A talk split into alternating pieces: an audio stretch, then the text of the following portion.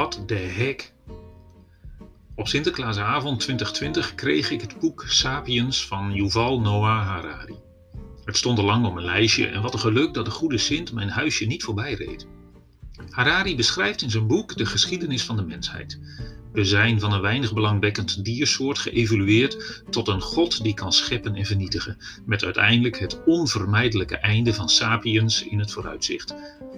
Hmm, niet echt een opbeurende gedachte, zo aan het begin van dit nieuwe jaar.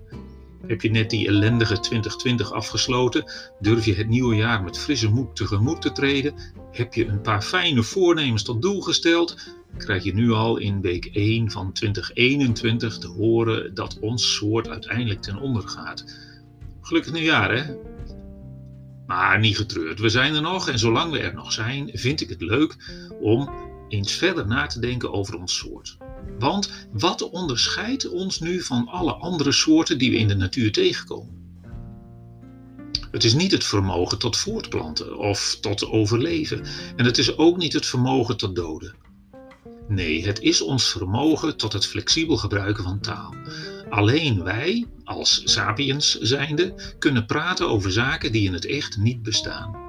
Wij hebben fantasie en kunnen ons verplaatsen in een wereld die niet de echte is, maar een imaginaire wereld is. Vraag dat laatste bijvoorbeeld maar eens aan onze jongste zoon. Uren achter elkaar verblijft hij met zijn vrienden in een Minecraft-wereld waarin ze complete steden, dorpen en zelfs bewoners creëren in een denkbeeldige wereld. Ik kijk en luister naar wat hij erover vertelt. Ik zie zijn enthousiasme over die fantasiewereld die voor hem en zijn vrienden echt bestaat.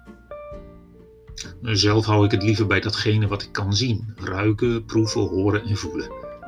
Bij de frisse waterkou bijvoorbeeld, tijdens mijn eerste ochtendwandeling met hond Mick op 1 januari.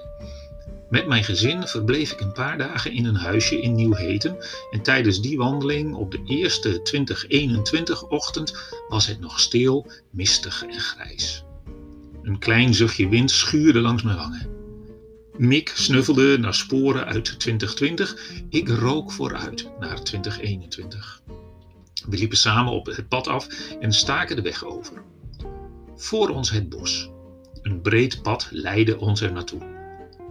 Na een rondje bos keerden we op hetzelfde pad terug. Maar gek genoeg zag ik toen pas het hek. Het hek dicht met een stevig hangslot. Niet los te krijgen dat ding en het was vervelend, want ik wilde het bos wel uit. Wat nu?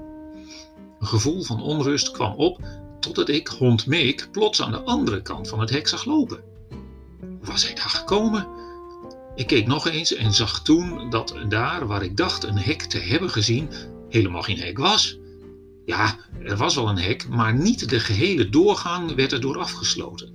En dat was wel zoals ik het had gezien. Een zucht van opluchting ontsnapte uit mijn lijf. Dit hek kon mij niet tegenhouden. Sterker nog, ik realiseerde me plotseling dat in 2021 geen hek mijn doorgang kan belemmeren. Je kan er immers altijd omheen. Niets kan Gert Sapiens nu nog stoppen in dit nieuwe jaar.